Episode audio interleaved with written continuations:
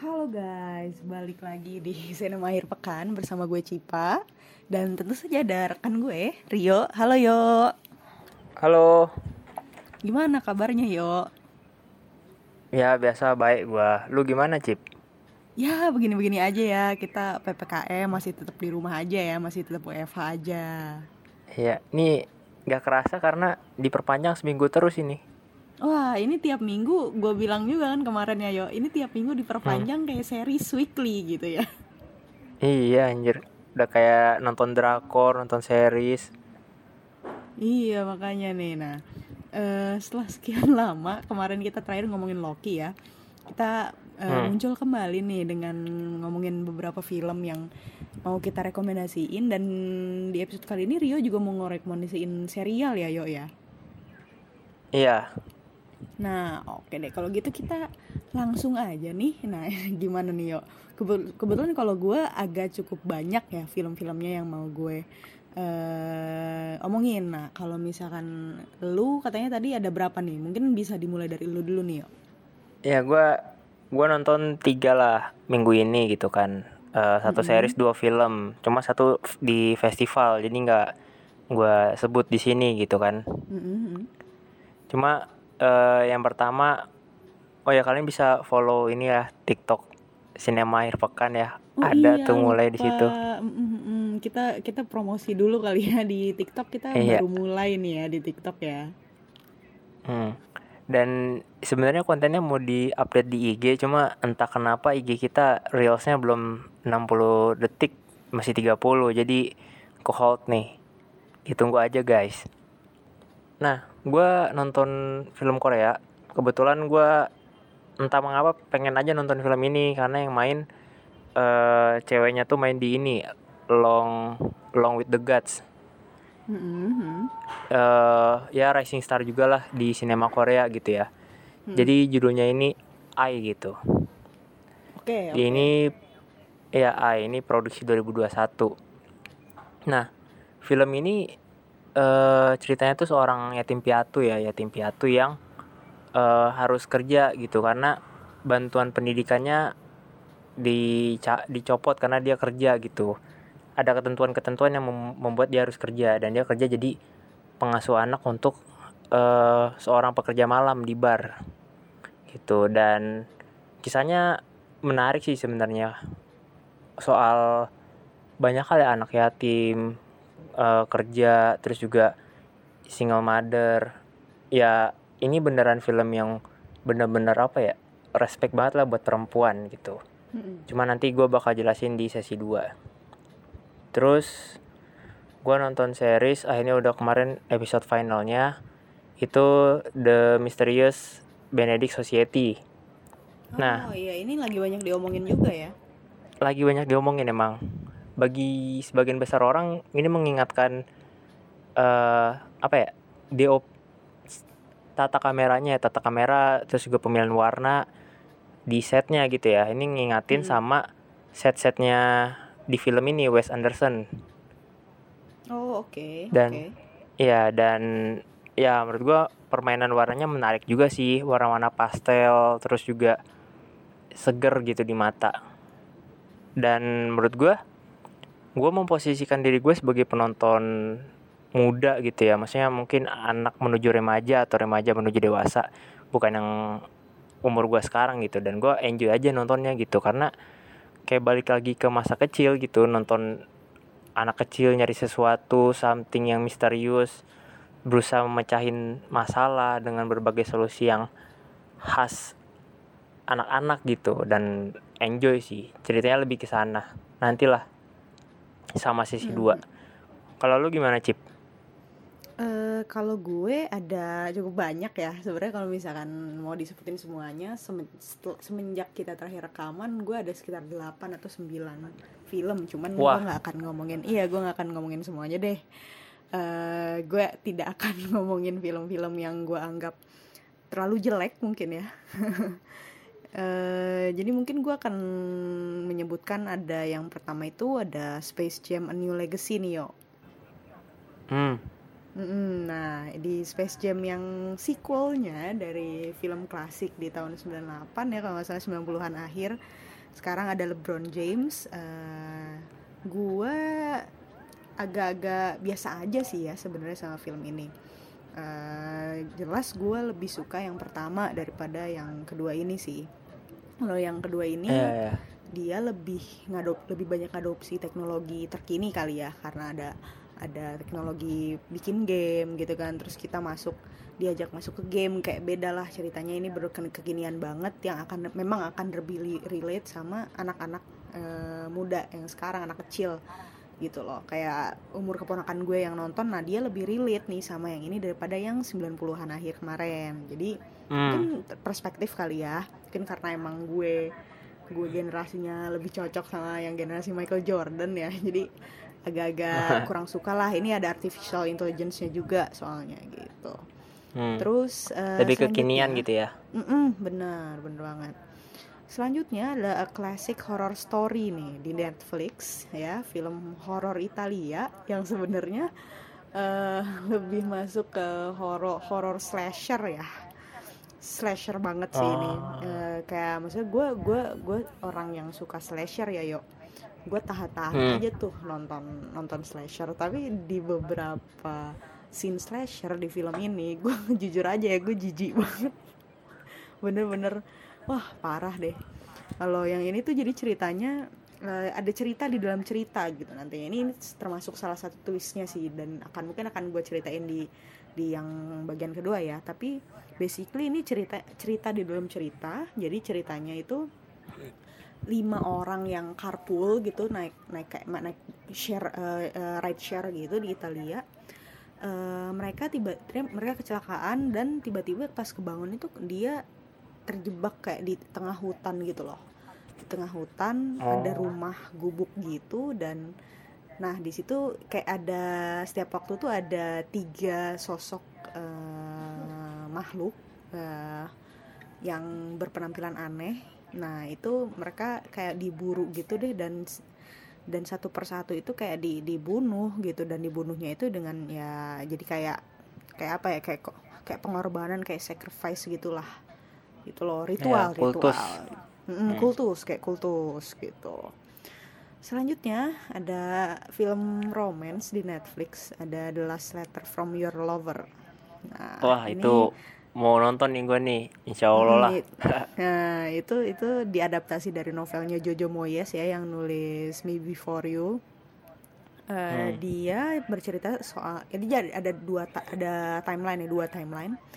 Bercerita hmm. tentang dua kisah cinta. Yang pertama itu di masa modern ada Ellie seorang jurnalis uh, yang terobsesi uh, menemukan atau mengungkap kisah cinta yang uh, ceritanya tuh dia temukan di sebuah surat dari tahun 50-an. Nah, di kisah cinta yang di tahun 50-an ini kisah cinta terlarang gitu deh, selingkuhan dan lain-lain sebagainya gitu. Ini ini klasik kayak apa ya kayak klasik soap opera banget kali ya ini kayak hmm. tontonan yang lo nggak harus mikir lah lo lo lo ya lo cuman buat hiburan aja gitu loh itu intinya ya not bad lah terus uh, beberapa hari yang lalu gue nonton uh, Blue is the Warmest Color akhirnya gue oh. setelah sekian lama gue masukin watchlist ya akhirnya gue nonton uh. juga Blue of uh, is the warmest color film Prancis tentang apa ya mungkin coming of age juga sexual exploration juga jadi tentang uh, anak SMA bernama Adele uh, dia dia ketemu sama anak kuliahan namanya Emma. Nah mereka menjalin hubungan yang deep gitu yang yang dalam baik dari sisi emosional maupun seksual. Nah itu kita ngikutin perjalanannya Adele nih uh, dalam kehidupannya dia termasuk hubungannya dia dengan Emma ini lalu yang baru gue tonton tadi siang ada film India di Netflix baru. Rilis juga ada Mimi. Apa? Nah, judulnya? Mimi Mimi ada Mimi. Oh. Iya, nah eh, Mimi itu bercerita tentang seorang aktris uh, yang mau masuk Hollywood ya dari kota kecil gitu. Namanya Mimi. Nah dia itu hmm? disewa sama pasangan Amerika untuk jadi surrogate mother, jadi ibu pengganti gitu. Nah eh, ini salah ini lu ini oke banget sih menurut gue. Filmnya oke banget sih. Jadi eh, khas film ada film komedi India ya komedi yang goblok-goblok gitu. Tapi di pertengah di beberapa bagian itu mainin emosi kita juga. Nah ini ini yang ini yang gue yang gue suka dari film Mimi ini nih gitu yo kira-kira itu sih yang yang gue tonton ya dan emang produktif Hmm. emang lo Ya, alhamdulillah ya setelah kita kita eh, kita bolong-bolong gitu ya rekamannya, Hmm. tapi lumayan lah gue nonton cukup banyak film selain gue di sela-sela maraton juga ya. Gue sek- sekarang sedang ingin Hmm. membereskan Modern Family, guys. Doakan gue ya baru nyampe season 3 Iya. nih. bisa lah dua Bisa. minggu kurang Oh, nggak bisa lah 11 season, yo. ah anjir Iya makanya nah Oke kalau gitu kita langsung masuk kali ya ke bagian 2 nih Biar kita bisa lebih leluasa lagi nih ngomongin film eh, dan series yang mau kita omongin Oke kalau gitu kita Iya. break dulu ya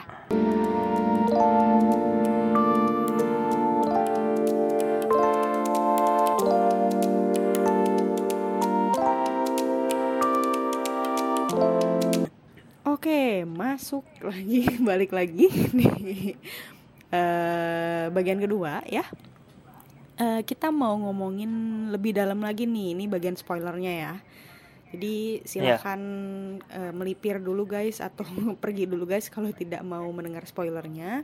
Coba yuk, lu dari lu dulu lu mau ceritain yang mana nih lebih dalam lagi? ya gua ai dulu ya yang ai Mm, gimana gimana? nah ini ini eh posternya bahagia banget sih kayak Hmm, hmm. eh babysitter sama penga sama apa i- ibu sama anak tuh akrab banget gitu ya. Cuma pas Hmm, gue nonton emang lebih topik utamanya ada dua sih sebenarnya. Pertama perjuangan single mother. Kedua tuh perjuangan seorang yatim piatu gitu di Korea sana gitu ya. Jadi tokoh utama kita ini eh lagi kuliah mungkin Mm-mm. kayak kesejahteraan sosial lah kalau jurusannya di sini gitu ya hmm, pekerja hmm. sosial. Nah, dia tuh butuh uang. Nah, karena dia juga yatim piatu, dia sambil kerja kan. Cuma karena gajinya itu eh, nggak mencapai entah gue lupa kurang atau lebih dari target yang ditentuin ya. Jadi dia nggak dapat beasiswa gitu. Terus akhirnya dia kerja ke si single mother tadi. Nah, konfliknya tuh lebih ke Oh, hmm, hmm.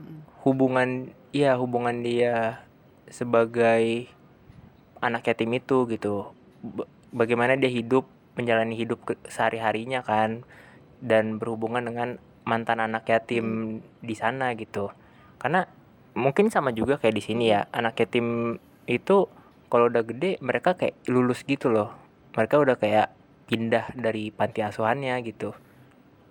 Nah di sini menurut gua Mm-mm. isunya bagus banget gitu. Dan kedua isu single mother juga bagus. Karena single mothernya di di sini ya dia pekerja malam gitu kan. Entah kenapa mungkin dia eh, keceplosan akhirnya mengandung terus bayinya nggak mau dibuang dia rawat. Tapi ya dia nggak punya waktu juga kan untuk merawat si bayi. Nah konfliknya lebih ke si yatim ini em, kayak care banget lah sama anaknya. Ibarat punya tips and trick supaya anaknya tuh nggak nangis gitu loh. Terus si ibu pas pulang ngelihat eh, anaknya nangis terus ditenangin sama dia susah gitu kan. Terus akhirnya tanpa sengaja tempat tidurnya tuh jat ini loh kebuka gitu loh. Pegangan tempat tidur bayi yang kayak di film-film. Terus anaknya jatuh ke lantai dan udahlah gitu eh setelah konflik itu udah nggak jelas itu mau isunya mau dibawa ke mana. Karena eh si si yatim ini tiba-tiba jadi naif banget terus si ibu ini jadi ogah-ogahan. Jadi ya udah di udah dibangun dengan menurut gue udah dibangun dengan bagus tapi endingnya kayak ya udah gitu. Kayak si bayinya tuh udah dijual gitu ya udah dijual sama orang sama si ibunya tuh ke orang gitu. Terus tiba-tiba si yatim ini datang datang ke rumah gitu terus ngambil bayinya gitu terus ribut-ribut.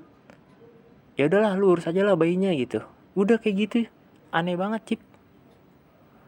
Kayak Udah itu endingnya, endingnya kayak tuh gitu aneh lah. Makanya gua kasih iya endingnya tuh udahlah dapet. Bayinya tuh udah dijual kan karena karena insiden tadi ya.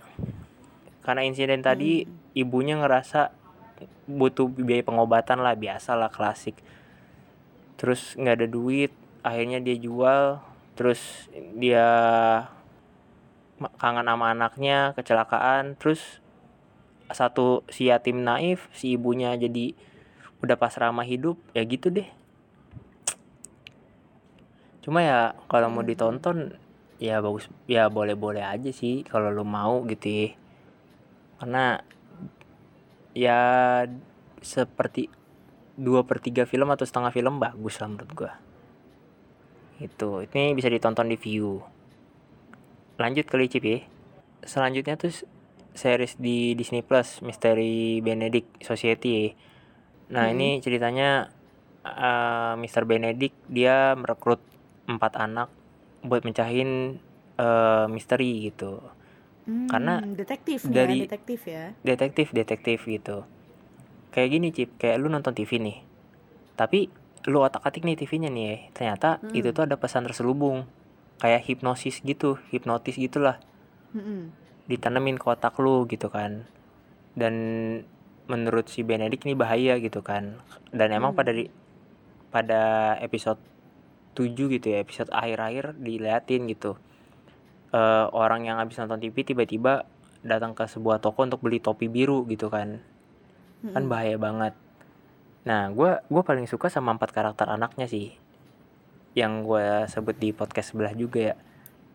Jadi ada ada Rainy dia punya jiwa pemimpin tapi kak kelihatan kaku gitu ya karena dia kayak introvert gitu. Terus juga ada eh Sticky orang pinter yang bisa mengingat banyak hal. Terus ada Const Constain kayak ogah-ogahan anaknya terus kayak freak gitu lah maksudnya cara ngomongnya entah ini Mm-mm. dialek dialek mana gua nggak ngerti juga namanya Cat nah ini empat anak ini kan punya karakter yang berbeda-beda dan skill yang beda-beda ini menurut gue yang menarik sih di film di series ini dan kalau lu nonton sama anak kecil juga bagus sebenarnya karena mereka Mm-mm. kayak wah di disajikan dengan warna-warna pastel yang menarik gitu ya dari seragam sekolah. Terus juga ada bagian-bagian awal ada misteri misterinya gitu kan. Ya fun juga sih. Dan ini kalau Disney beneran serius kemungkinan bakal ada season-season berikutnya sih Cip. Iya iya, bisa jadi bisa jadi. itu iya itu dah. Eh gue kasih tiga setengah lah. 8 episode Hmm. doang kok Mm-mm, lu Cip Oke, gimana oke. Oke, gue ya, gue mungkin akan bahas di dua film yang terakhir gue tonton aja kali ya. Eh, Hmm. yang pertama ada Blue is the Warmer Colors, eh the Warmest Color. Nah, Hmm. eh Blue is the Warmest Color ini seperti yang tadi gue bilang, ini bercerita tentang Adele. Nah, si Adele ini di fil di di awal waktu itu, awal film mulai itu dia masih 15 tahun. Nah, dia itu Ya. kayak kayak remaja pada umumnya lah penasaran untuk menjalin hubungan dan seksualitas gitu ya, yuk. Eh, dia pacaran lah sama teman sekolahnya laki-laki namanya Thomas. Nah di hubungan itu dia merasa kayak agak-agak apa ya tidak tidak tidak puas dan tidak ter- apa ya kurang lah. Nah akhirnya dia putus. Eh, singkat cerita dia ketemulah dengan perempuan namanya Emma. Nah si Emma ini udah tahun keempat kuliah. Eh, Hmm. hasil umurnya lebih jauh jauh lebih tua kan mereka ketemu di Iya. bar lesbian dan eh, mereka berteman dulu tuh menghabiskan waktu dan lain-lain sebagainya eh, pacaran nah terus jadi kayak film ini tuh eh, menunjukkan tahapan-tahapan kehidupan Adele sih jadi dari awalnya dia remaja terus dia dia dia dewasa udah mulai bekerja eh, ada juga hubungannya sama Emma gitu. Eh basically ini cerita tentang first love ya gitu. Tentang cinta pertama gitu. Dan mungkin ah oke. eh, sutradaranya juga mau ngasih ini loh mau ngasih apa ya kayak eh, cerita Adele nge-explore seksualitasnya gitu sebagai seorang lesbian karena she's not entah dia dia bukan lesbian juga sih dia bi bisexual ya maksudnya dia masih berusaha mengeksplor dia tuh sebenarnya sukanya gimana sih apa sih gitu. Tapi pas ketemu sama Emma nah dia dia apa ya dia menemukan sesuatu yang beda. Emma itu jadi first love-nya dia gitu. Ini basically kayak Call Me by Your Name tapi lesbian gitu sih. Jadi uh, ini menarik sih sebenarnya. Gue suka nggak suka ya gue ngasih nilai itu sekitar tiga setengah. Yang gue suka dari film ini mungkin yaitu tadi portraying tentang first love-nya Adele ini ya first love basically apa ya mungkin bagi banyak orang akan setuju bahwa first love itu sesuatu yang berbeda yang ada di hidup seseorang gitu. Nah si Adele juga merasakan hmm. hal itu pada Emma. Nah ketika hubungannya dia sama Emma itu mengubah uh, dirinya gitu sebagai sebagai seorang anak perempuan. Uh, terus juga gue suka actingnya Adele sama yang jadi Adele itu namanya Adele apa ya? Gue rada susah Adele Exarchopoulos nah kalau dia yang jadi Emma itu gitu Lia Seydoux. Iya yang jadi Emma itu Lia Lia Seydoux. Nah ini mereka aktingnya bagus banget sih. Uh, chemistry-nya hmm. dapet dan lo bisa bisa melihat gitu hubungan mereka hubungan mereka seperti apa terus dan lain-lain sebagainya lah tapi yang gue nggak suka di sini agak banyak juga sih. Lo lo harus tahu ini durasi filmnya tiga jam yo. Waduh Durasinya untuk ngebahas soal gitu tiga jam? Iya lo butuh lo butuh uh, keku apa ya keinginan tinggi untuk tidak bosan sama film ini hmm. ya. Dan gue juga sesekali agak istirahat juga ya karena emang tiga jam ini agak agak ya lambat banget lah alurnya. Terus juga tapi yang kedua, dia bentar gimana gimana? Cip dia masuk award gitu gak sih iya dia masuk kane Kans dia oh, masuk Kans uh, dia dapat ya? Palm Dior oh di tahun yeah, 2013 yeah. dia dapat Palm Dior sutradaranya Abdel Latif Kecice hmm. nah, nah uh, terus juga yang gua nggak sukanya ini basically cerita ceritanya agak predator juga nih si Emma nih karena dia kalau lu bayangin nih tahun ke, tahun keempat kuliah dia 22 23 tahun lah ya kita bisa ambil hmm. kesimpulan 20 23 tahun si Adele masih 15 tahun yo Oh. itu predator dong menurut gue ya kalau menurut gue itu Adele masih underage ya gitu ya hmm. um, dan si Abdel Latif ini terlalu meromantisasi hubungannya Adele sama Emma di sini gitu nah. jadi kayak terkesan agak di abuse juga sih uh, dan yang gue sebelnya ya tidak tidak melihat ke arah sana gitu loh terus juga hmm, masih banyak yang agak bolongnya juga sih jadi si sutradaranya ini kan ngambil perspektifnya perspektif Adele ya tapi hmm. gue masih belum terlalu melihat bagaimana Eh, perjalanan hidupnya si Adele ini termasuk hubungannya sama Emma berkontribusi pada pembentukan karakter dan cara cara pikir Adele terhadap dunia gitu sih. Kayak belum belum belum jelas gitu. Ini malah kesannya kayak terlalu meromantisasi hubungan lesbian aja antara si Adele sama si Emma gitu. Itu aja sih. Jadi kayak apa ya not nggak nggak belum terlalu jelas lah. Jadi rada-rada nanggung gitu terus juga yang anehnya di sepanjang film uh, orang-orang di uh, kehidupan di sekitar Adele itu tidak diperlihatkan dengan baik. Jadi kayak orang tua dan keluarga dan teman-temannya Adele itu hanya muncul di paruh pertama sampai pertengahan aja. Nah setelah pertengahan sampai akhir ketika si Adele sudah mulai kerja gitu dia seorang guru TK dia kan tinggal bareng sama Emma. Tapi nggak di sama sekali nggak diperlihatkan gitu loh sosok orang tuanya nggak pernah muncul teman-teman dari SMA-nya sahabatnya nggak ada sama sekali.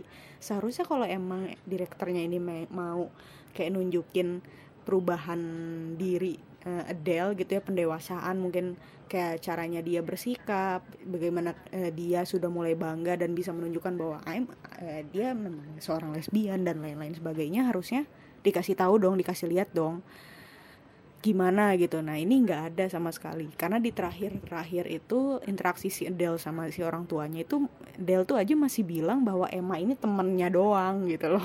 Bukan Ah. bukan bukan pacarnya gitu. Tapi nggak ada. Setelah itu ya udah keputus aja gitu. Dengan eh, penonton Iya. dengan kehidupan pribadinya si Adele ya gitu. Malah banyaknya itu kayak teman-temannya Emma gitu. Kayak inner circle-nya Emma. Nah gue bingung gitu. Sementara karakternya Emma aja nggak dikasih nggak dikasih background yang cukup eh, cukup dalam gitu untuk untuk untuk ini gitu loh Hmm. Bahkan Bohemian Rhapsody aja dikasih lihat kan keluarganya Rami Malek. Iya, maksudnya ada ada adalah gitu ya. Eh, karena kan mau nggak mau pasti akan mempengaruhi dong. Eh, kalau memang Hmm. mau dia awal niat awalnya pengen ngasih tunjuk ya gimana perubahan diri eh, coming eh, apa ya pendewasaan diri pada Adele harusnya ada dong gitu loh. Nah, ini kita nggak Iya, dikasih iya. lihat nih. Jadi gua agak bingung. Terus juga mungkin karena ini disutradarai sama laki-laki heteroseksual ya Hmm. gue cukup banyak baca review-review dan kayaknya sih banyak banyak juga yang setuju bahwa ya ini tuh kayak tadi gue bilang sutradaranya meromantisasi hubungan lesbian hubungan hubungan hubungan lesbian antara Adele sama Emma dan juga hubungan pedofilia gitu loh. It's beautiful. Padahal harusnya ini nggak beautiful nggak sih? Kayak masa gue dari dari nonton awal "Hah, 15 tahun gitu. Ketika menyadari dia 15 tahun gue kayak oh shit gitu. It's not supposed to be beautiful. Gitu kan?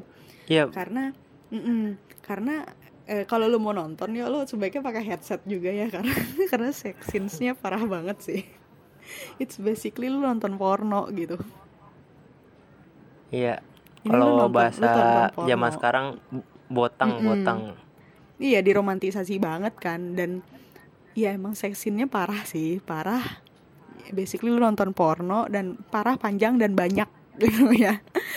Jadi jadi ya gitu deh pokoknya. Makanya gue hanya ngasih nilai sekitar tiga setengah gitu ya.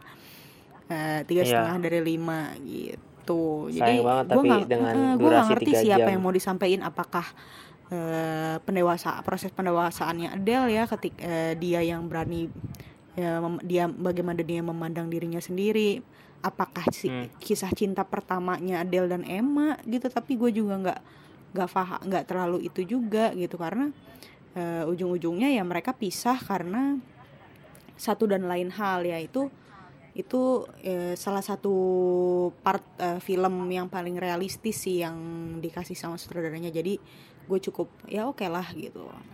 Gitulah untuk Blue is the Warm Color sama satu lagi mungkin ya ada Mimi Eh, film Iya. 2021 di Netflix ini film India.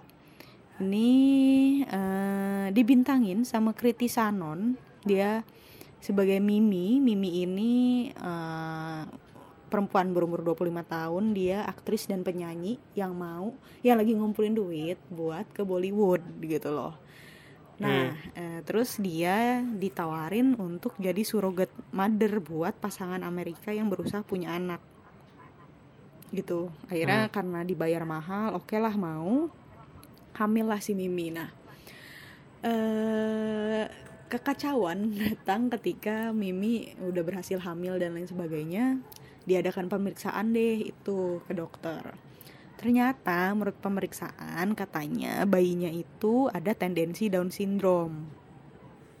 Wah, Iya, ada Kompleks tendensi Down banget. syndrome. Si pasangan Amerika ini nggak mau mengurus anak dengan Hmm. Down syndrome.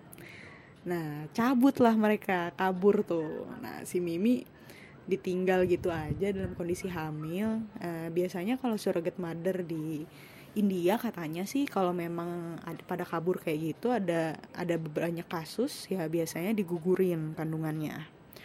Cuman eh, Mimi nggak mau karena dia percayalah eh, dia pro life lah intinya ya.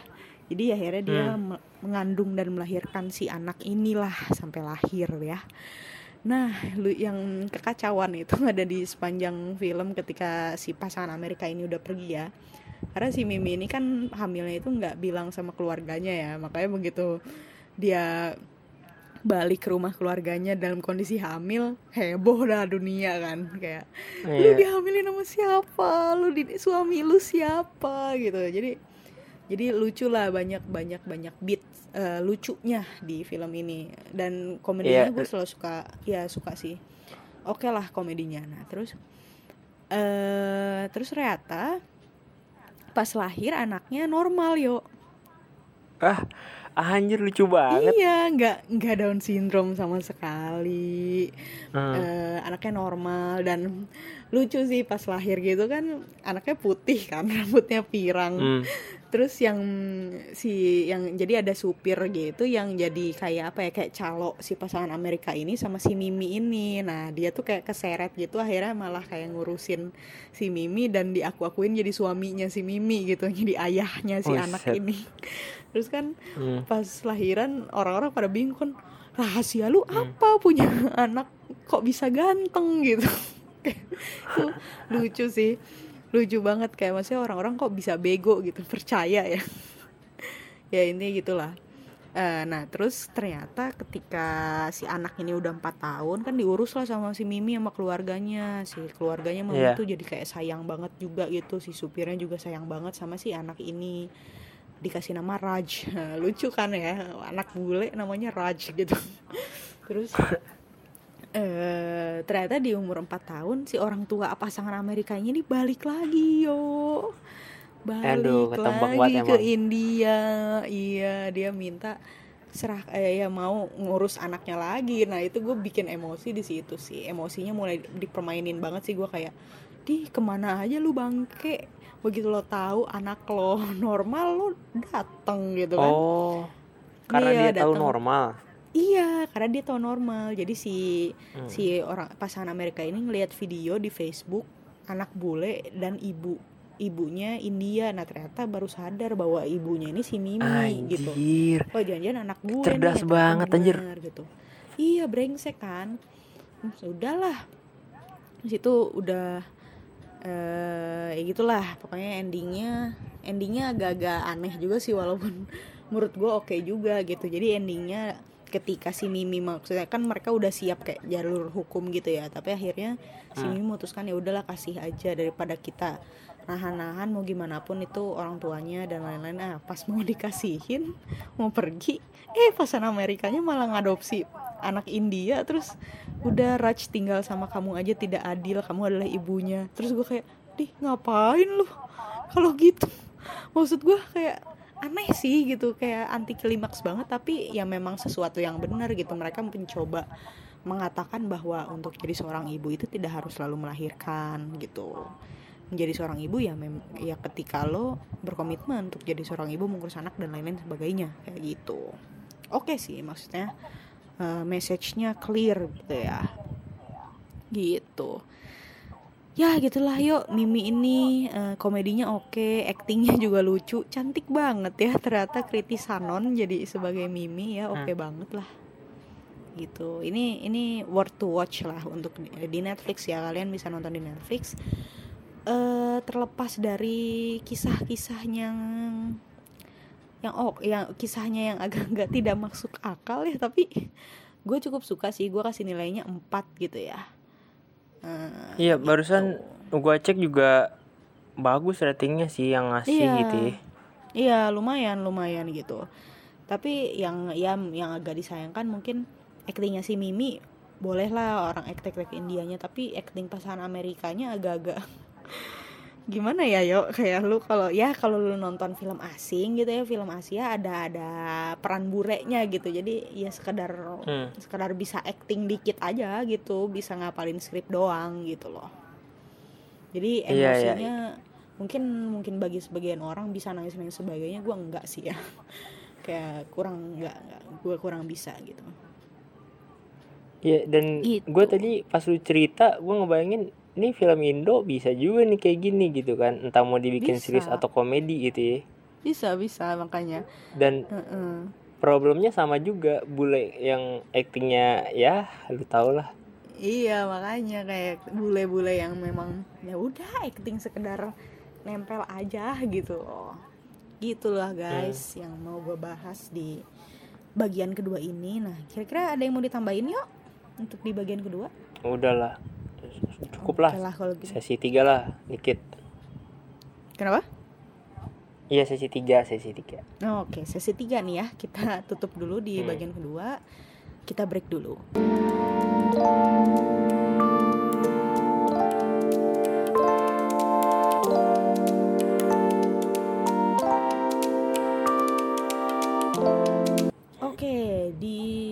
Sesi tiga ini ada berita-berita nih yo mengenai film. Ada berita apa nih yo?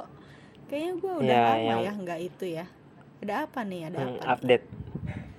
Iya sebenarnya di bulan ini Mola TV menghadirkan dua film nasional gitu ya, isu nasional Wih, lah. Apa tuh? Pertama ada The East. Mm-mm. Ini kok kalau lu ikut pelajaran sejarah tahulah ada Westerling ya.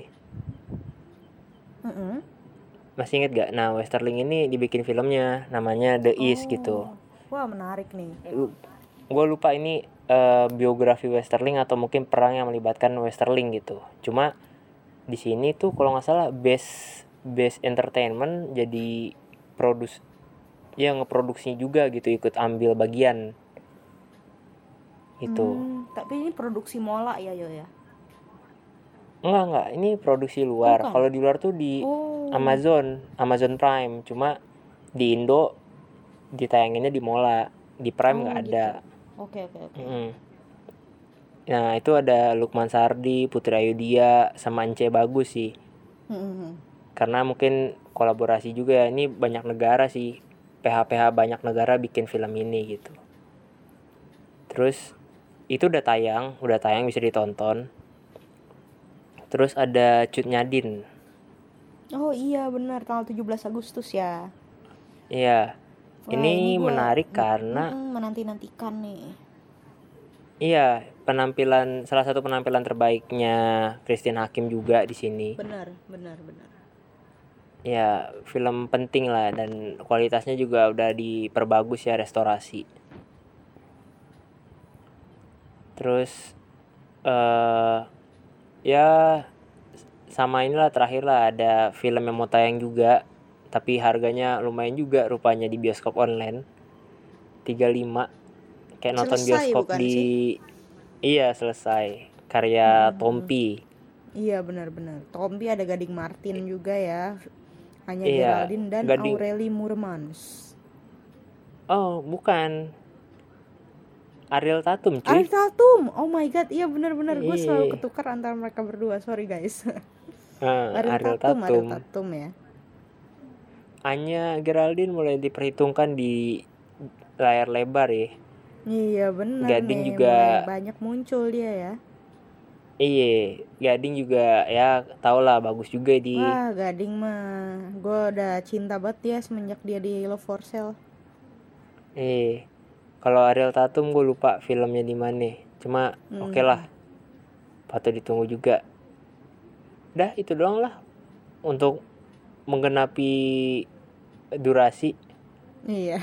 tiga film Indonesia yang mau tayang yang harus ditonton lah di Agustus. Oke, mantap mantap. Nih kita eh, persiapkan diri aja ya buat nonton di streamingan-streamingan ini. Mungkin eh, Iya. kalau yang selesai di bioskop online gue masih oke lah 35.000 ribu. Cuman gue agak males sama Mola nih yo sebenarnya. Dia dia murah Setuju. ya 12.500 Hmm. kan ya.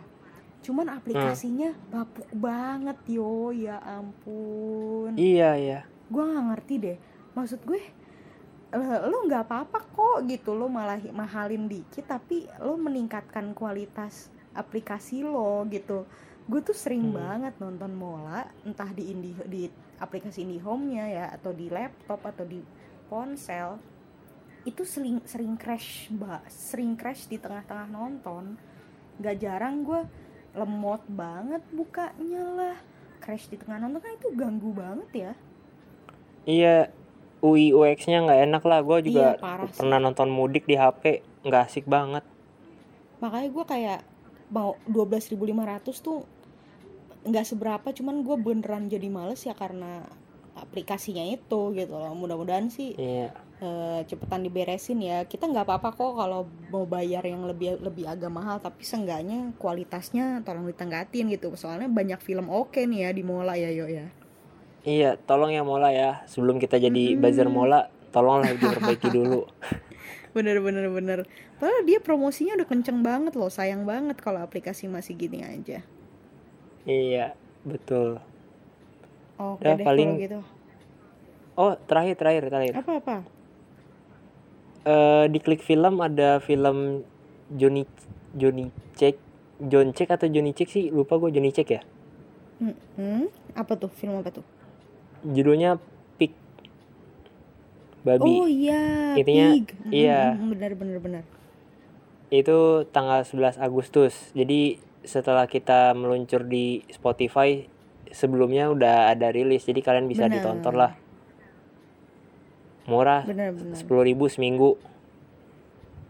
Bener oke oke oke oke. Udah. Oke Udah, deh kalau gitu. Kita akhiri dulu eh, episode kali ini. Semoga eh, next time kita bisa balik lagi ya yuk ya untuk ngomongin eh, film-film dan series-series yang kita tonton. Oke deh kalau gitu eh, kita pamit dulu guys. Terima kasih. Dadah. dadah